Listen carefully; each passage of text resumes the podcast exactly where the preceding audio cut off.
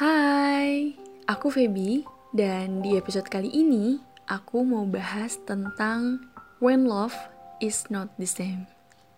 Pada tahu nggak sih apa maksud dari judul tersebut? Pasti staffers udah pada ngerti lah ya. Seperti pada judulnya, dongeng kali ini bertemakan tentang love. Sebagai remaja, pasti kita sudah pernah merasakan apa itu cinta. Staffers pernah gak sih ngerasain jatuh cinta, bahkan sampai patah hati sekaligus? Pas banget nih, aku mau bahas perjalanan cinta dari seorang staffers yang sudah sharing tentang pengalaman cintanya melalui sosial media kami. Jadi gini, SMP itu adalah salah satu masa terindahku. Karena di SMP inilah aku menemukan cinta pertamaku. Di sekolah ini banyak sekali kenangan yang telah aku buat mulai dari kenangan manis hingga kenangan pahit. Aku adalah siswi kelas 8 yang bertemu dengan seorang laki-laki bernama Abim. Abim ini adalah di kelasku di SMP. Aku bertemu pertama kali dengannya di salah satu school sekolah, yaitu marching band dan juga OSIS. Marching band ini adalah salah satu ekskul terfavorit di SMP ku dan di dalamnya banyak sekali anak-anak hits. Awal ketemu Abim itu waktu acara pelatihan marching band dan kebetulan aku adalah ketuanya. Aku diberikan kesempatan untuk melatih anggota yang baru masuk. Salah satunya adalah Abim. Sebelumnya aku tidak kenal dengan Abim, tapi Abim bilang dia sudah kenal denganku dari salah satu temannya. Tak lama, aku dan Abim saling berkenalan, dan kami sudah mulai asyik mengobrol sambil latihan marching band. Malam harinya, Abim tiba-tiba ngechat aku. Awalnya dia menanyakan seputar marching band. Aku membalas chat Abim dengan penuh semangat dan juga rasa senang. Gak tau kenapa, tapi aku ngerasa nyaman aja gitu ngobrol sama dia, walaupun baru kenal dua hari. Ya, sekitar semingguan lebih aku selalu chatan bersama Abim. Kita saling memberi kabar satu sama lain tanpa adanya ikatan. Mungkin ini ya yang disebut dengan masa PDKT saat remaja. Kami menjalankan hari-hari dengan rasa sangat bahagia dan berbunga-bunga satu sama lain. Sebelum mengakhiri chat pada malam itu, Abi mengatakan kalau besok pulang sekolah, tunggu dia di kelasku dan jangan pulang dulu. Aku pun mengiyakannya. Tentu aku sangat deg-degan dan sangat penasaran sekali dengan hari besok. Akhirnya hari yang ku nanti pun tiba, yaitu pada hari Senin, tanggal 2 Maret tahun 2016. Waktu sudah menunjukkan pukul 13 WIB dan bel pulang pun berbunyi. Aku menunggu Abim di dalam kelas untuk menemuiku seperti janjinya semalam. Beberapa menit kemudian, Abim terlihat berjalan dan memasuki kelasku. Abi menyuruh teman-teman yang menemaniku untuk keluar sebentar dan hanya aku dan Abim yang berada di dalam kelas.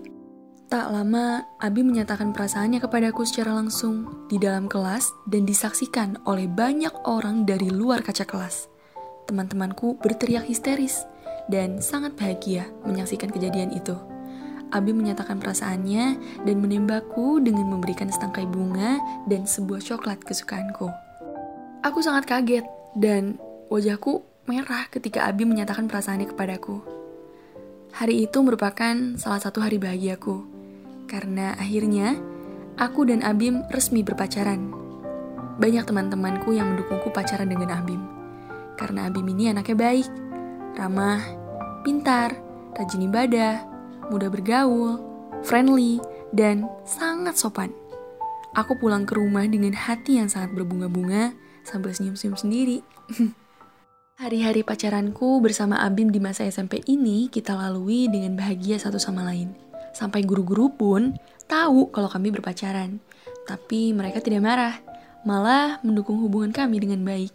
Namun, tidak boleh berlebihan dan harus tahu batas. Kami sangat senang sekali dengan hal itu. Di SMP ini kami diberikan julukan oleh teman-teman sebagai couple goals. Karena Abim sangat romantis kepadaku. Misalnya nih ya, kalau lagi berantem, Abim tiba-tiba saja meletakkan bunga dan coklat di atas mejaku, disertai dengan surat yang berisi kata-kata romantis dan permintaan maaf yang sangat lucu dan sweet banget. Dia selalu bisa membuatku untuk tidak marah lagi dengan hal, -hal kecil, tapi sweet dilakukannya. Selain itu, Abim juga orangnya sangat sabar menghadapi sifatku yang mudian, egois, dan sedikit keras kepala. Kalau sifat Abim yang tidak aku sukai, Abim itu orangnya sangat cemburuan. Ya aku tahu kalau cemburu itu tandanya sayang. Tapi menurutku Abim ini cemburunya sudah melampaui batas. Aku tidak boleh berteman dengan cowok, gak boleh foto sama cowok, dan lain-lain.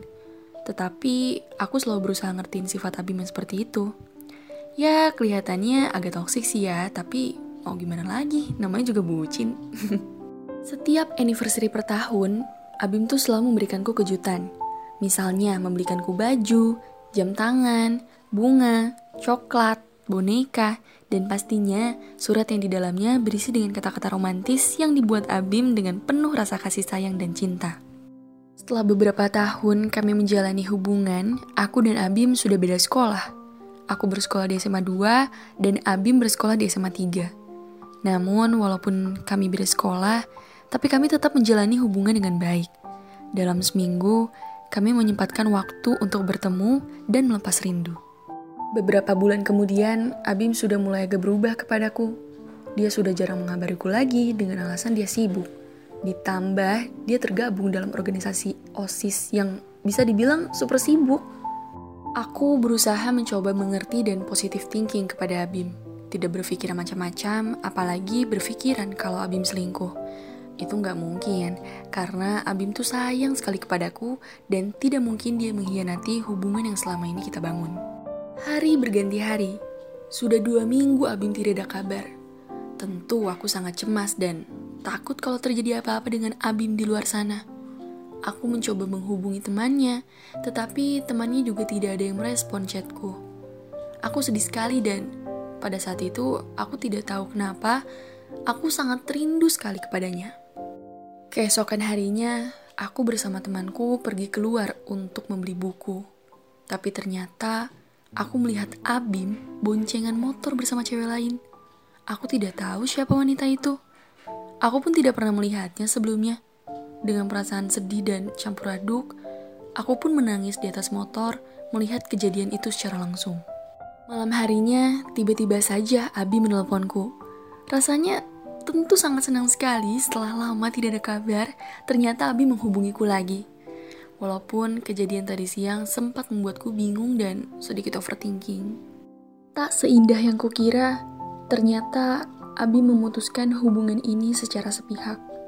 Abi langsung mematikan telepon tanpa dia merasa bersalah kepadaku. Dan mulai saat itu, aku dan Abim tidak pernah berkomunikasi lagi. Padahal, dia sendiri yang bilang masih bisa berteman. Tetapi, nomor WhatsAppku di blok, Instagramku juga di blok, Ya, hampir semua sosial media aku diblok sama Abim. Gak tahu sih alasannya kenapa, tapi ya udahlah mau gimana lagi. Jatuh cinta dan sakit hati itu kan satu paket. Perlahan aku mulai mengikhlaskan Abim. Aku mengisi waktu luangku dengan kegiatan yang produktif biar gak galau. Tiba-tiba tiga bulan setelahnya, Abim menghubungiku dan meminta maaf atas kejadian waktu itu. Dengan penjelasan yang panjang lebar. Tapi aku sekarang hanya menganggap Abim sebagai teman biasa saja dan sudah mulai berdamai dengan perasaanku sendiri. Tamat! Nah, gimana nih ceritanya Staffers? Dari cerita yang tadi, apa sih pelajaran yang dapat kalian ambil dalam masalah percintaan, khususnya dalam masalah patah hati dan diselingkuhin? Pasti sakit banget ya Staffers? Kalau dari aku nih ya, aku belajar bahwa gak semua orang yang kita sayangi dan cintai itu selamanya akan bersama kita. Mungkin saja suatu saat kita bisa berpisah dengannya. Selain itu, kita juga jangan terlalu percaya dengan omongan-omongan cowok yang bullshit dan janji-janji manisnya sebelum mereka membuktikannya dengan perbuatannya secara langsung. Jadi, nggak cuma di mulut saja.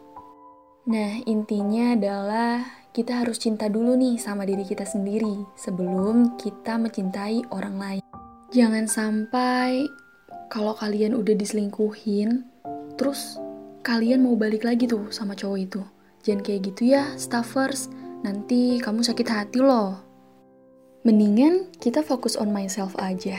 Dengan cara kita mengikuti beberapa kegiatan yang produktif, terus juga yang memotivasi kita untuk jadi pribadi yang lebih baik lagi. Tenang aja, jodoh gak akan ke mana kok, tinggal tunggu waktu yang tepat aja. Oh iya, buat kalian yang udah berani jatuh cinta, kalian juga harus berani sakit hati ya, karena jatuh cinta dan sakit hati itu udah satu paket. Nah, jadi gitu staffers. Terima kasih ya sudah mau dengerin podcast kami. See you di episode selanjutnya ya. Bye-bye.